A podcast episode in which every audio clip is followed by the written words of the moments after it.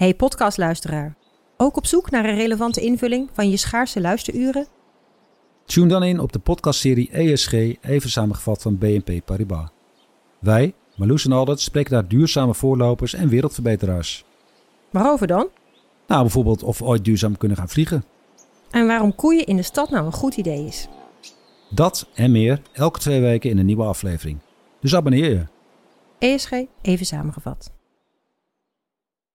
Ik ben al jaren ondernemer, maar waar moet ik eigenlijk allemaal aan denken nu ik voor het eerst personeel wil aannemen, voor het eerst ga importeren of voor het eerst een bedrijfslocatie zoek? Weet wat je wel of niet moet doen bij zaken die je voor het eerst oppakt. Check kvk.nl voor praktische stappenplannen. KVK, hou vast voor ondernemers.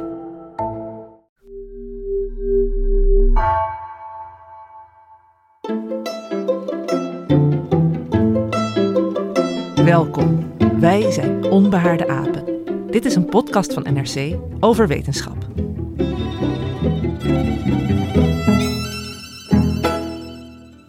Zet je eroverheen. Ga lekker bewegen. Het is vast psychisch.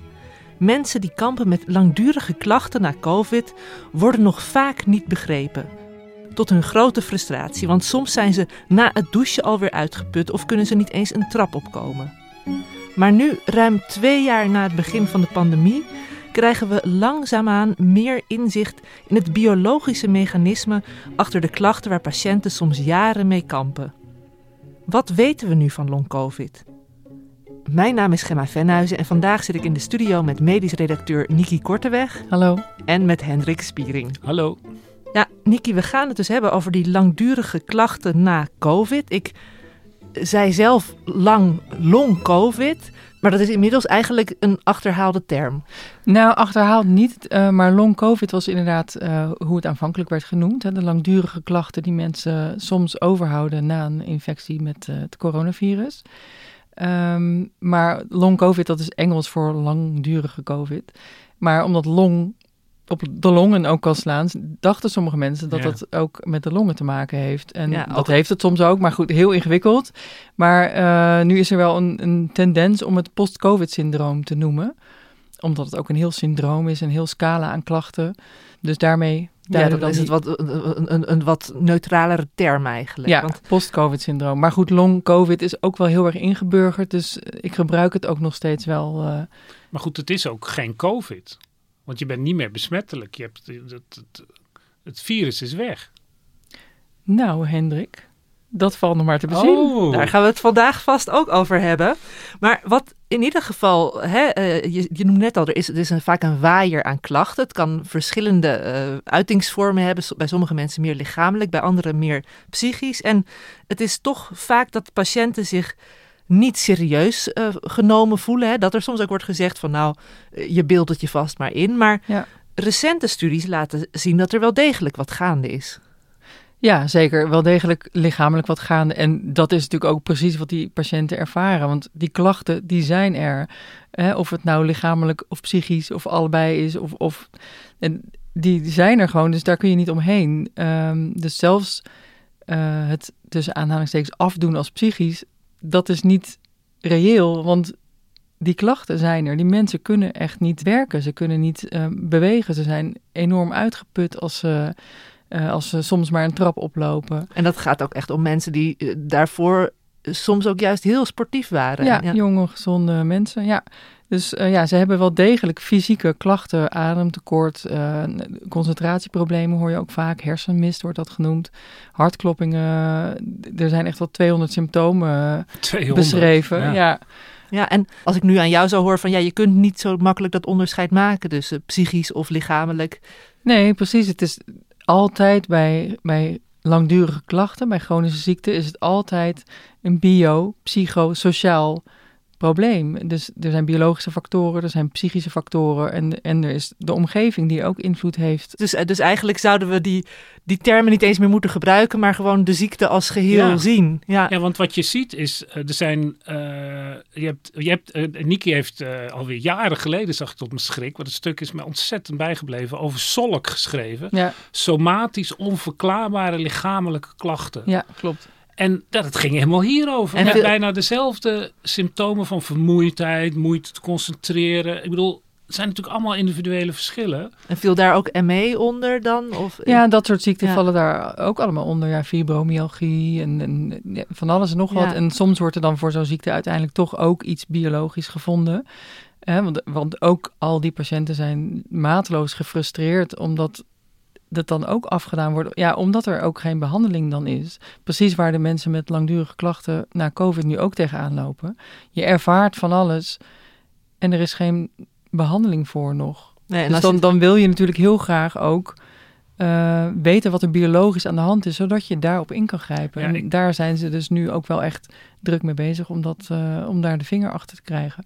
En alsnog denk ik, ja, we zijn nu toch al, eh, even kijken, maart 2020 zitten we alweer 2,5 jaar sinds het begin Ja. van de pandemie. En dan vraag ik me toch af, waarom is dat post-COVID-syndroom, waar mensen al vrij snel, eh, ook in dat eerste jaar, mee, mee begonnen te kampen, Na waarom is dat... maanden ja, werd dat duidelijk. Ja, en, Ja. En, en waarom is het toch zo moeilijk te onderzoeken geweest in het begin? Ja, nou ja, precies. Om, omdat er zo'n waaier aan klachten is. ehm, dan kan je natuurlijk niet helemaal goed zien ja, of, dat, of die klacht er al was. Of het misschien ergens anders doorkomt. Ehm, en omdat het zo lang geleden is dat die infectie is geweest. Dus je kan dat dan heel moeilijk relateren aan, aan eh, de infectie. Die is soms alweer weg. Dat leek soms ook zo. En die mensen zijn, waren dan niet meer positief op de test. Maar hadden nog steeds wel klachten. Dus dat soort dingen maken het heel moeilijk om langdurige klachten te koppelen aan een ziekteverwekker. Zelfs bij deze gloednieuwe ziekteverwekker, die nog helemaal niemand had, waar we dus echt vanaf tijdstip nul kunnen we, kunnen we dit volgen. Ehm, dus dat is één, de ene kant van de zaak. En de andere kant is dat er heel veel verschillende eh, soorten patiënten zijn. De een heeft het heel mild gehad, de ander heeft in het ziekenhuis gelegen of zelfs op de IC. En allemaal hebben die soms langdurige klachten.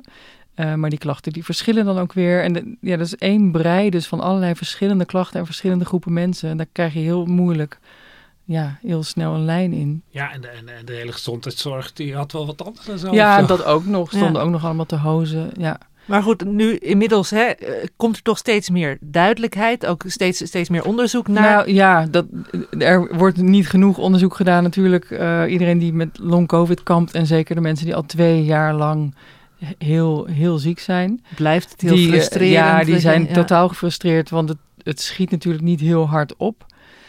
Maar tegelijkertijd moet ik zeggen dat er toch ook wel... ja, er wordt voornamelijk tot nu toe in kaart gebracht... Nou, welke groepen zijn er nou en hè, welke klachten horen nou bij welke, welke groepen mensen? IC-patiënten, ziekenhuispatiënten, thuispatiënten. Eh, maar er worden nu ook wel eh, de laatste maanden stappen gemaakt in, in biologische achtergronden van, eh Ja, van long-covid.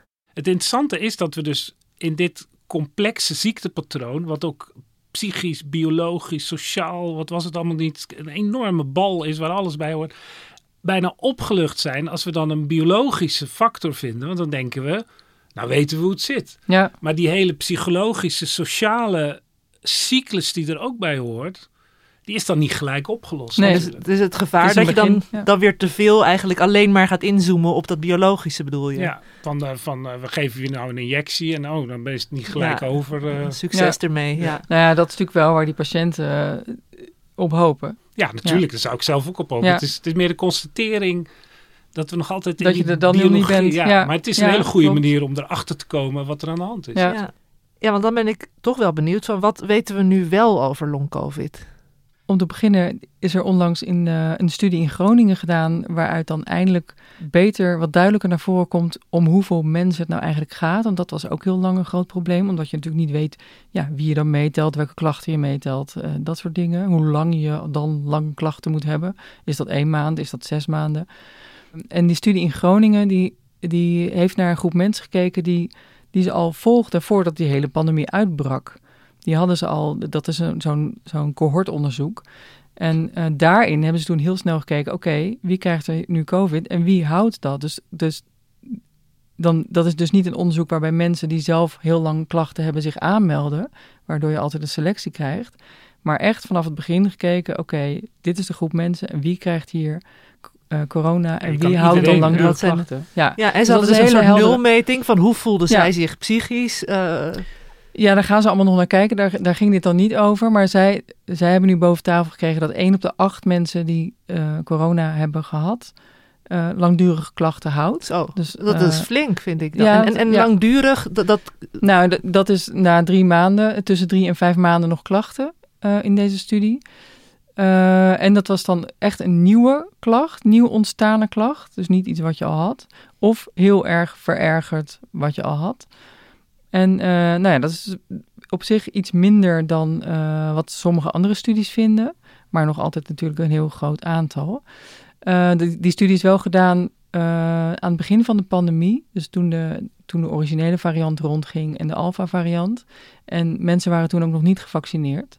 Dus dat is ook echt weer de nulmeting van, van long-covid, zou je kunnen zeggen. Want nu met Omicron en met vaccinaties lijkt het er toch op dat long-covid ook minder, dat mensen minder makkelijk long-covid overhouden aan een infectie. ja, dat, Wat natuurlijk goed nieuws is. dat, dat is goed Ja. nieuws. En tegelijkertijd zei je wel van, hè, die, van die 1 op de 8 uit, uit de beginfase, noem ik het maar. Het was niet zo dat het allemaal mensen waren die in het ziekenhuis waren. Het waren ook mensen die het toen relatief mild hadden. Bijna allemaal niet in het ziekenhuis, ja. Maar ook is het natuurlijk wel zo, niet iedereen heeft hele erge klachten. Het is één eh, nieuwe klacht bijvoorbeeld. Dat kan ook eh, geur- of smaakverlies zijn wat heel lang aanhoudt. En dat is natuurlijk heel vervelend. Maar daar kun je in principe wel mee werken, tenzij Dus je die, die, 1 kok de, bent of zo. die 1 op de 8 zijn niet allemaal mensen die zeg maar dodelijk vermoeid Nee. thuis zitten. Nee. Nee, het is al, nog steeds allerlei, eh, allerlei aan, symptomen. Ja, want we hadden het net al over hè, meer dan 200 verschillende symptomen. Maar is er wel een soort groepering van de klachten? Of zijn er een paar, paar hoofdklachten te noemen? Ja, nee, je, ziet, je ziet een beetje drie clusters ontstaan. Je hebt echt de, de, de longklachten, dus Ja, ademhalingsproblemen. dus long in de, de, de De- Nederlandse ja, de zin. long en de ademhaling, eh, pijn op de borst.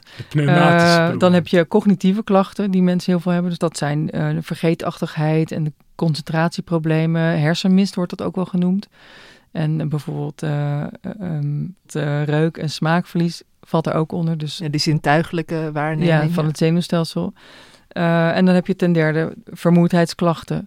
En dat is natuurlijk ook iets wat, wat heel veel mensen langdurig houden. Heel erg vermoeid, vooral na inspanning doodop zijn. Per persoon kan het dus verschillen of je van de ene, de ene cluster of van het ander meer last hebt. En in Ja. welke mate je er last van hebt. Ja. Ja, dat verschilt per persoon. En je- ja, sommigen hebben ook duizelingen, tintelingen. eh sommigen hebben last met eh rechtop staan. Die moeten dan weer gaan liggen. Dat is ook weer een bepaald eh, syndroom. Weet je ook of sommige klachten na verloop van tijd zich pas openbaren? Of is het meer van, hè, dit, dit is het beginpakket, daar, daar blijf je het dan de, de maanden of de jaren daarna... eh, Nou, van, wat, van de long-covid-patiënten die ik heb gesproken, begrijp ik wel dat dat ook nog varieert.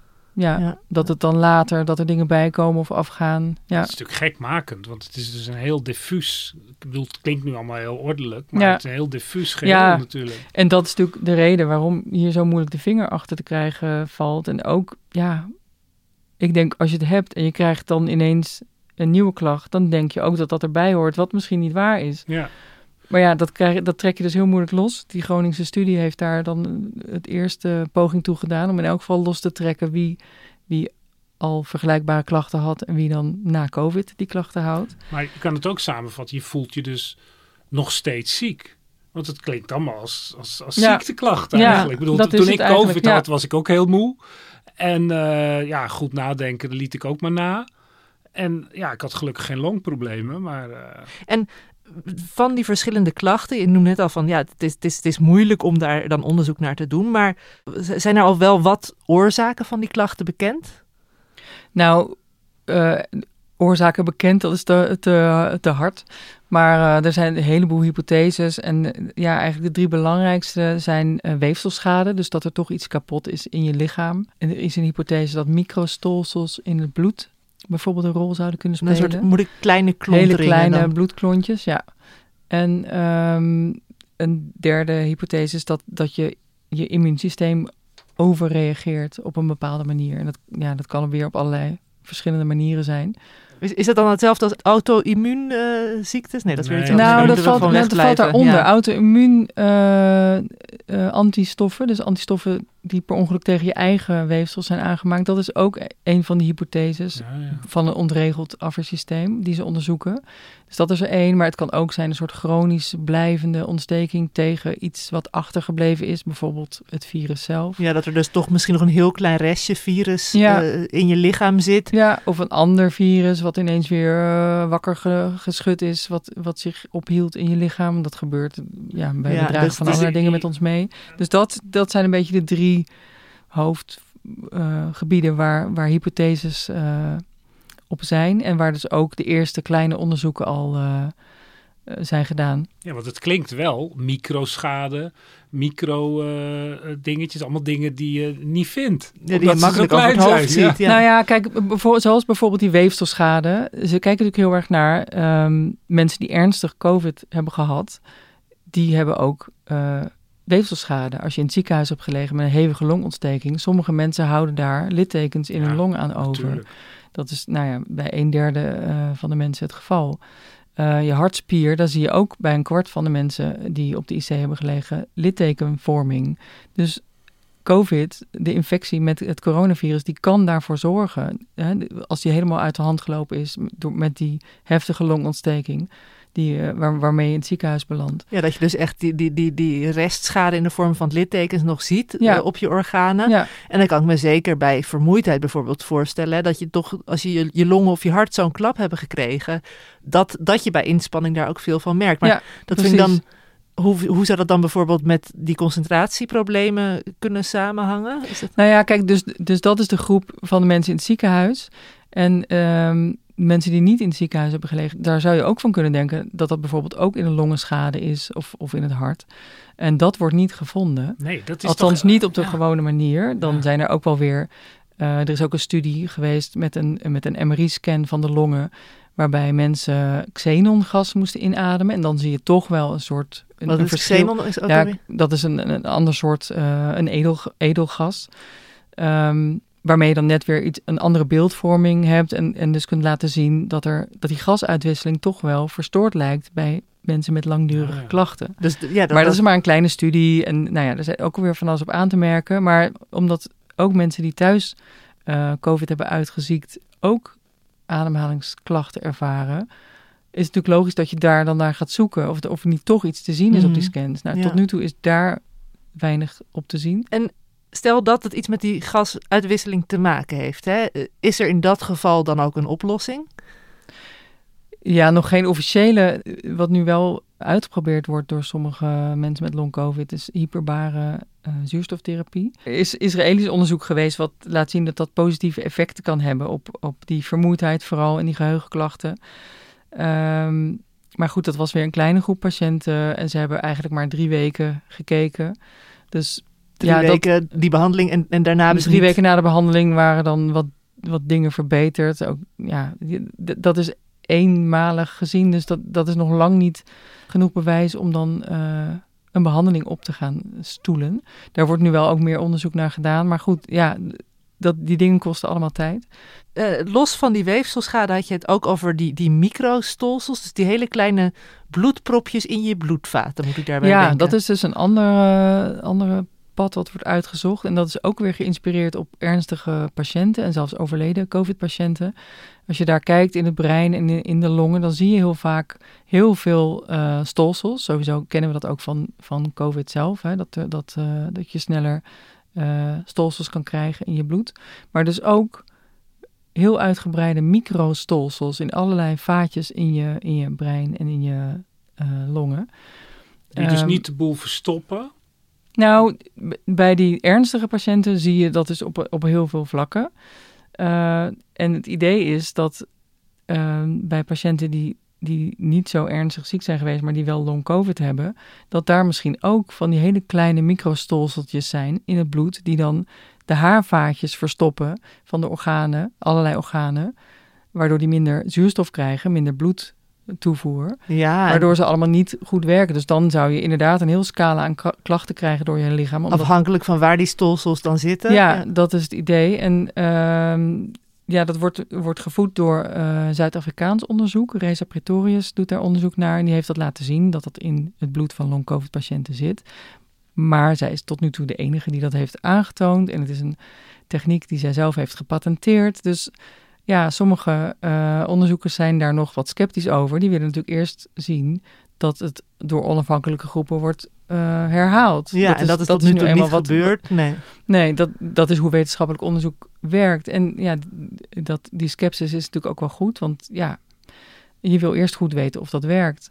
Uh, of, dat ze, je wil eerst weten of dat ja, zo is. Ja, en dan kun je vervolgens gaan kijken van... Stel dat, stel dat het in die hoek zou liggen... is er dan al wat bekend over wat, wat je er tegen zou kunnen doen? Uh, nou ja, dan, dan, dan zou je dus denken... oh, dan neem ik antistollingsmiddelen en dan lost het langzaam op. Maar ik heb uh, stollingsexperts gesproken... en die zeggen, ja, maar zo werkt dat niet. in principe ruimt je lichaam zelf stolseltjes op... Uh, en er is ook een uh, techniek um, in Duitsland, wordt dat aangeboden. En inmiddels ook in allerlei klinieken in het buitenland.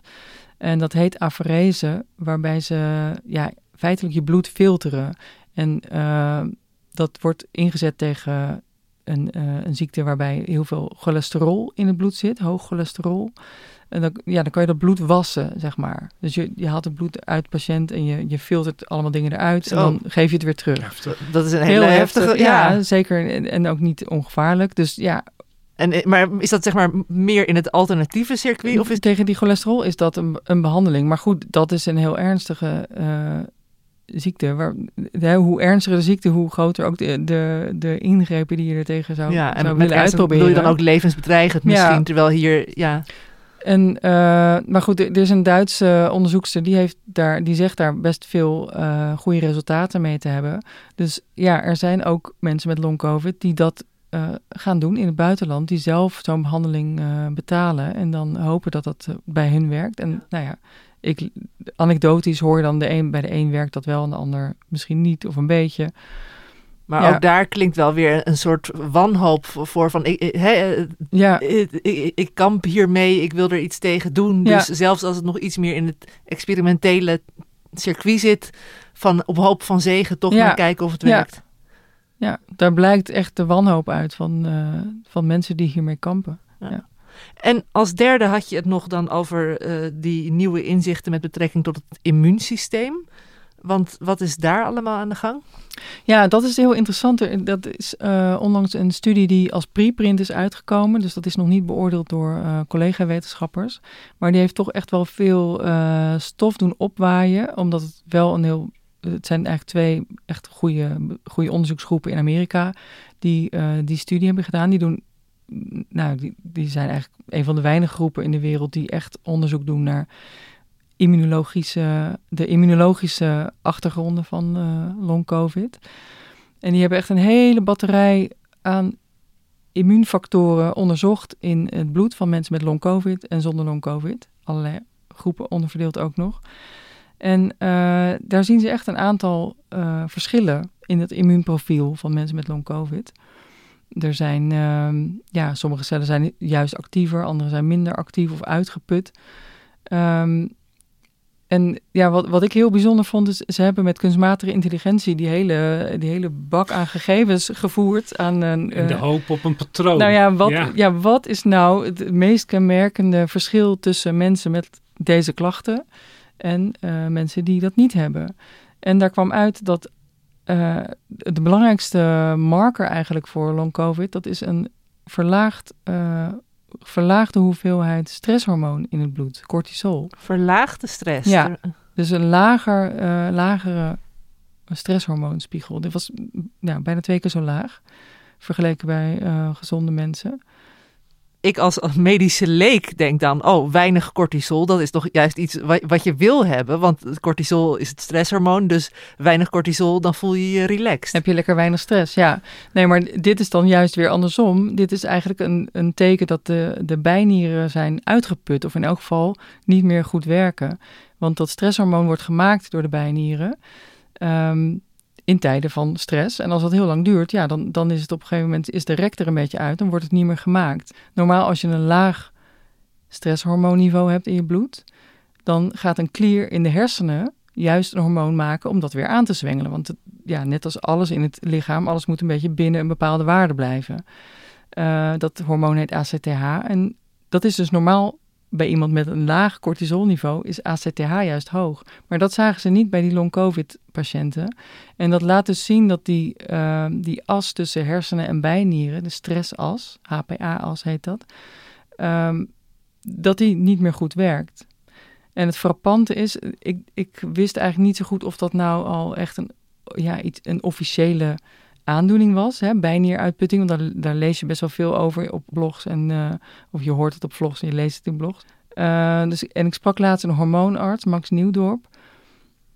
En die zei dat in, dat, dat inderdaad uh, bestaat, bijnierdysfunctie. En dat je dat vaak ook ziet bij mensen met een depressie. En het wordt ook wel gezien bij mensen met een burn-out of met chronisch vermoeidheidssyndroom. Oh, dat is interessant. Ook vanwege die, die, die overlap. Als je dan hè, over dat chronisch vermoeidheidssyndroom of, of burn-out wordt ook vaak wel gezegd van dat, dat, dat heeft raakvlakken met post-COVID. Ja, ja, dus dit, dit, dit wijst erop dat dat misschien een, een soort gezamenlijke deler is in al die langdurige vermoeidheidsaandoeningen. Goed, is dat dan, ik zal de klassieke vraag stellen, is dat dan oorzaak of is dat gevolg? Nou ja, daar ga je al, ja. Want als je natuurlijk uh, al maanden long covid hebt, dan kan je hele stresshormoon behoorlijk naar, uh, ja. naar zijn grootje gaan ja. natuurlijk.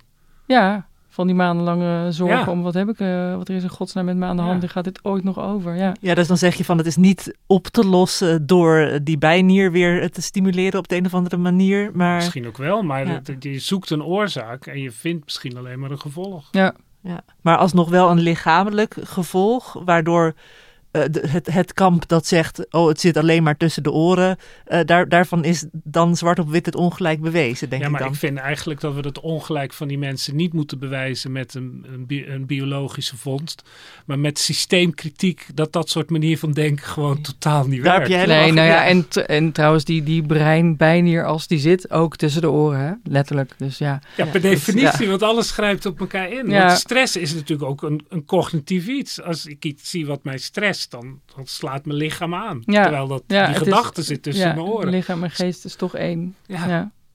En als, als we het dan over die, die bijnieruitputting hebben, komt het dan vooral voor bij de mensen met de meer uh, cognitieve uh, COVID-klachten? Of? Ja, ze hebben dat niet echt goed, uh, ze hebben dat niet onderverdeeld, maar de meeste mensen in deze studie die hadden inderdaad wel die extreme vermoeidheid en die, uh, die hersenmist. Zijn er nog andere ontdekkingen op het vlak van het immuunsysteem? Ja, ze hebben dus heel veel uh, immuunsysteemcomponenten bekeken in het bloed, allerlei factoren en uh, allerlei soorten antilichamen. En uh, zij zagen dus dat, het, dat er wel echt een uh, verschil was in bijvoorbeeld de immuuncellen, de witte bloedcellen uh, van mensen met long-covid. Die waren veel actiever en soms waren zelfs ook bepaalde klassen echt uitgeput. Dus net als die bijnieren, gewoon cellen die zo hard hebben gewerkt dat ze, dat ze niet, meer, niet meer goed doen. Um, het lijkt de Nederlandse economie wel. Ja. Ja, dat, is ook, dat komt ook weer overeen met, met andere dingetjes die ze in andere studies vinden. Er zijn dus ook studies die in de hersenen actieve immuuncellen vinden.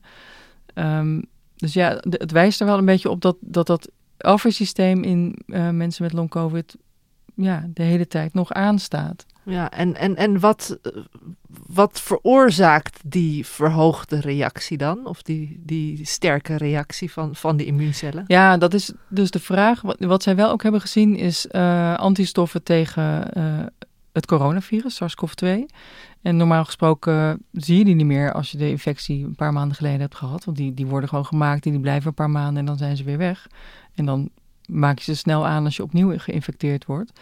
Dus uh, ja, dat is dan wel gek dat je die toch weer ziet. Dat, dat je die toch nog steeds ziet in mensen ja. met uh, langdurige COVID. Maar ze zagen ook antistoffen tegen, soms tegen andere virussen. Tegen het Epstein-Barr-virus bijvoorbeeld, wat de ziekte van Pfeiffer uh, veroorzaakt. Waar je dus ook heel moe van wordt. Maar ook tegen sommige andere herpesvirussen. Um, en dat zijn vaak virussen die je in je lichaam meedraagt, maar die helemaal niet actief zijn. En dat suggereert dus dat misschien die virussen weer wakker gekust zijn door de infectie met uh, met corona. Ja, ja die gaan meeklieren. Die, gaan maar. misschien, die worden wel misschien weer actief en dan gaat jouw afweersysteem daar toch ook weer tegen vechten. En ja, dan hou je dus, dan, dan blijft het maar aanstaan. Dus het is geen fantoomreactie dat het afweersysteem eigenlijk nergens op reageert, maar dat er wel degelijk dus inderdaad weer Nou ja, dat, dat suggereren deze eh, eh, bevindingen. Maar het is toch ook Maar niet ja. zo dat dat bij alle patiënten wordt gevonden? Dat is er weer bij een deel. Ja, bij een deel, klopt. Ja. Een Maar je ziet, significant deel. en je ziet het dus ook maar- weer, ditzelfde zie je ook bij een deel van de mensen met eh chronisch vermoeidheidssyndroom. Ja. ook die, die bijnieruitputting en ook dat opleven van dat Epstein-Barr-virus. Maar ja, het is allemaal, ik vind het heel lastig hoor, want bijvoorbeeld Epstein-Barr-virus, dat, die de ziekte van Pfeiffer veroorzaakt, dat dragen we bijna allemaal mee. Ja. Hebben we bijna allemaal bij ons. Dus ja, waardoor dat dan bij de een eh, Ja, wel dat- eh, opkomt en bij de ander niet. En toch blijft- denk ik wel van als je dat weet, eh, biedt dat misschien ook weer een aanknoping voor mogelijke behandelingen. Ja, dat, dat biedt in elk geval eerste gedachten over dingen waar je dan mee zou kunnen beginnen. Bijvoorbeeld een antiviraal middel om die virussen weer in bed te leggen. Of middelen die misschien je, je afweersysteem een beetje sussen. Maar goed, dat is zo'n complex geheel dat je... Ja, maar dan kan je ook weer een tegenreactie krijgen. Want Ja. als je, dat, dat immuunsysteem is zo ingewikkeld natuurlijk. Ja. Zo, ja, het is al in de war, kennelijk. Ja, Wat- gebeurt er dan als Ja. je daar antivirale middelen... Maar goed, dat moeten we dan ja of zien natuurlijk. anti, anti-immuunmiddelen. En nou ja, eh, tegen zo'n uitgeputte of, of eh, niet meer goed functionerende bijnier, dat, dat lage stresshormoonniveau, daar zou je ook denken, nou geef je wat stresshormoon en dan is het weer goed. Maar dat werkt niet bij long-covid patiënten. En eigenlijk, dat zei die hormoonarts ook, dat, dat kan helemaal niet, want dan, on- dan ontregel je de boel nog veel meer. Ja. Dus dat helpt niet, dat, dat, dat kan gewoon niet. Er is eigenlijk geen eh, behandeling voor. Nee, dus er wordt echt weer benadrukt hoe complex gewoon ons lichaam is en, en hoe Ja. al die hormonen op elkaar ingrijpen, dat er gewoon nog zo weinig eigenlijk eh, aan te doen valt. Om- Omdat, om- omdat je niet kunt zeggen, oh ik druk op knopje A en dan gebeurt er reactie Ja. B. Nee, het is zo'n complex geheel dat, het, eh, dat, het, dat je er lastig op in kan grijpen, op één van die factoren. En, en waarschijnlijk is het ook nog zo dat ja, bij, voor de ene patiënt is het dan het een en voor de andere het andere. Of misschien een, een combinatie van deze dingen. Dus dat, eh, dat gaat nog wat tijd vergen om dat, dat goed uit te zoeken. Ik, ik hoorde net eigenlijk waar we het over hadden met het immuunsysteem. Toen noemde je ook al even depressie. Je noemde ook al eh, burn-out. eh, waar ook vaak een combinatie van, van bio en sociaal en, en, en psychologisch eh, in verwerkt zit. En ik zat te denken, je noemde het Epstein-Barr-virus, dat de ziekte van Pfeiffer veroorzaakt. En voor zover ik heb begrepen, is het juist ook vaak na Pfeiffer dat mensen dan weer chronisch vermoeidheidsklachten ontwikkelen. Of eh, ik ken in ieder geval meerdere mensen die na Pfeiffer ME eh, eh, hebben gekregen. En dan heb ik weer het idee van, oh, zit er dan in dat, dat hele palet van, van solk of van die onverklaarde of onvoldoende verklaarbare lichamelijke klachten, zit daar dan niet ook een, een link met het immuunsysteem? Is, is- Ja, dat zou goed kunnen. Want eh, die klachten die je hebt, dat vermoeide en, en eh, dat pijn overal, dat heb je natuurlijk ook als je, als je griep krijgt. Ja, dan, dan word je moe, dan, ga, dan wil je alleen nog maar liggen, dan doen al je spieren pijn. Ehm, dus dat is de reactie van je lichaam op, op je immuunreactie. De stoffen die vrij, die vrij worden gemaakt om te vechten tegen die ziekteverwekker. En ja, dat is evolutionair ook handig als een dier eh, ziek is, dan gaat hij onder een struik liggen en eh, wacht het, hè, tot het lichaam Ja. het, eh, de infectie eh, onder, de, onder controle heeft. Ja. Dus eh, ja, dat is bekend dat je van sommige immuunfactoren heel moe en slap en, en gaar en, en foggy en eh, ja, dat is in eerste instantie is dat eigenlijk juist gunstig voor je herstel. Hè? Van zorg dat je rust neemt, zegt je lichaam dan. ja, ja. Of Maar- even, ja, de energie gaat even naar dat vechten. ja. Ja, Maar het interessante is dus dat je dus, ik wil het niet nog ingewikkelder maken dan het is, dat je dus een, een, een, een ziekte hebt of een, een, een scala van syndromen die eigenlijk als basiskenmerken met alle verschillen die er zijn, is wat je, ja, je noemt het griepachtig. Eh, de- Gewoon, je voelt je beroerd en je voelt je ziek. ontsteking. En ja. als je natuurlijk een enorme bult of een enorme ziekte en je hoest, dan is denk je, oh ja, die is ziek. Maar als je dezelfde verschijnselen hebt, terwijl er niet een directe, voldoende verklaarde oorzaak is, Ja. ja, dan, maar dan kom je toch op het, op het systeem dat eh, we, hebben altijd, we, we ervaren ons lichaam vaak zo als, een, als, als direct. Maar dat zit natuurlijk altijd die filter van al die signaalmoleculen die, die, die, die ons brein zeggen dat we moe zijn. Ja. Het is niet zo dat onze spieren dan niet meer kunnen bewegen. Nee, het lichaam ontvangt signalen van... Ja, de spieren zijn moe, eh, even rustig aan. Ja. En dan ga je je moe voelen.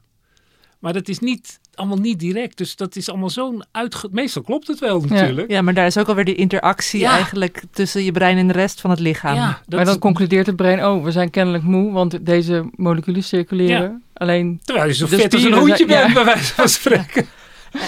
Nee, maar dat vind ik eigenlijk wel mooi wat jij ook al aan het begin zei, Hendrik. Dat je ook ergens wel. Dat, dat misschien juist dit post-COVID-syndroom, dat het heel mooi zou zijn als het een revolutie in ons denken teweeg zou brengen. Dat we accepteren dat er die biopsychosociale component, dat, dat het één groot geheel is. En op die manier met een nieuwe blik naar eh, andere postvirale syndromen kan worden Ja. gekeken. Ja. Nou, dan heb ik een beetje zitten kijken naar, die, naar allerlei meta-analyses over mogelijke behandelingen bij, bij dit soort ja, on, moeilijk verklaarbare eh, eh, vermoeidheidsachtige syndromen. En ik, ik de, de, alles zegt van, dit is allemaal wel leuk als je het allemaal begrijpt hoe het zit, maar die mensen genezen er niet snel van, Nee. want het blijft even ingewikkeld. Alleen je kan het wel beter begrijpen. Er waren twee dingen die me opvielen. Dat je moet een, eh, eh, wat, wat een goede voorwaarde voor, voor verbetering is, is dat je, dat je goede communicatie en vertrouwen in je arts hebt. Zo simpel is het. Dan voel je je minder op drift. dat is bij elke ziekte, ja. En goed slapen. Dat is ook bij elke ziekte. Ja. Nou, sowieso, ook als je gezond bent. Ja, nee, maar dat vond ik zo sterk. Dat kwam in een aantal van die, van die meta-analyses terug. Ja. Dat, en dat is natuurlijk precies wat er ook misgaat. Dat je, je maakt je zorgen. Je gaat niet, Ja, niet dat ga je het door te weinig. piekeren, ja. Het komt niet door te weinig slaap. Het is natuurlijk een veel complexer geheel. Maar dat is een hele belangrijke factor. Het staat wel je genezing in de weg Ja. als je dan s'nachts nachts wakker ligt Ja. en, en, en niet weet wat er aan de hand is. Ja. Ja. Ja, dus eh, weet je, het is echt ontzettend vervelend voor mensen dat ze zo ziek zijn. En ik hoop ook echt dat daar snel nog veel meer inzicht in komt. En ook eh, ja, inzicht in hoe je dat dan sneller kunt oplossen dan hoe het nu gaat. En aan de andere kant is zo'n pandemie natuurlijk ook een unieke situatie. Want je, wa- wat ik aan het begin ook al zei, je hebt een totaal nieuw virus en mensen hebben dat nog nooit in hun lichaam gekregen. Dus je, kan van, je kunt vanaf nul kun je volgen wat er dan precies gebeurt. Ook op dit lange postvirale syndroomvlak. En eh, ik denk dat we daardoor heel veel meer eh, inzichten zullen krijgen uiteindelijk over allerlei postvirale syndromen. Ja, en dat zou een heel mooi bijeffect kunnen zijn. Dat dan de wetenschap en daardoor ook alle patiënten die, die met een soortgelijke eh, aandoening te maken hebben, dat die daarmee geholpen zijn. Ja, Ja. Nou, laten we hopen dat het eh, die kant op gaat. En wie weet dat we over een tijdje weer bij elkaar zitten als er weer nieuwe inzichten zijn op het gebied van, ik wou weer zeggen long-covid, maar het post-covid-syndroom. Dankjewel Niki Korteweg voor je verhelderende uitleg en Hendrik Spiering voor je altijd mooie eh, aanvullende inzichten. En dankjewel Rosa van Toledo voor de productie. Hendrik, we luisteren natuurlijk weer naar het Dudok kwartet, maar je hebt het me vast al een keer verteld. Welk, welk nummer spelen ze hier eigenlijk? Wat spelen het, is, ze? het is het speciaal voor ons opgenomen door het Dudok Quartet. Eh, het tweede deel van het strijkkwartet van eh, Maurice Ravel, Frans componist. En dat heet Assez vif, très rythmé. Dus ik zeg het nog een keer. Assez vif, très rythmé. Nou, dan en gaan wat we... betekent dat? Mijn Frans is niet goed. Eh, snel genoeg, heel ritmisch. Nou, je hoort het er allemaal in terug. Bedankt voor het luisteren en eh, wij zijn er volgende week weer. Tot dan!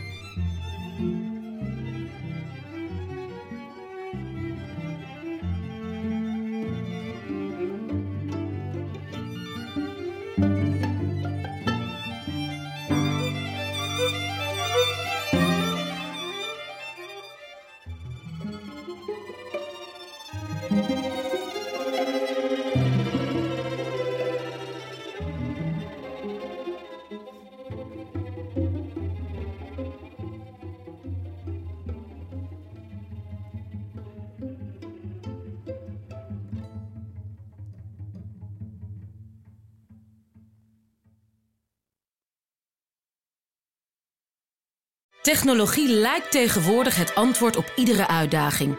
Bij PwC zien we dit anders. Als we de potentie van technologie willen benutten, kunnen we niet zonder een menselijk perspectief. Human-led, tech-powered noemen we dat. Ga naar pwc.nl.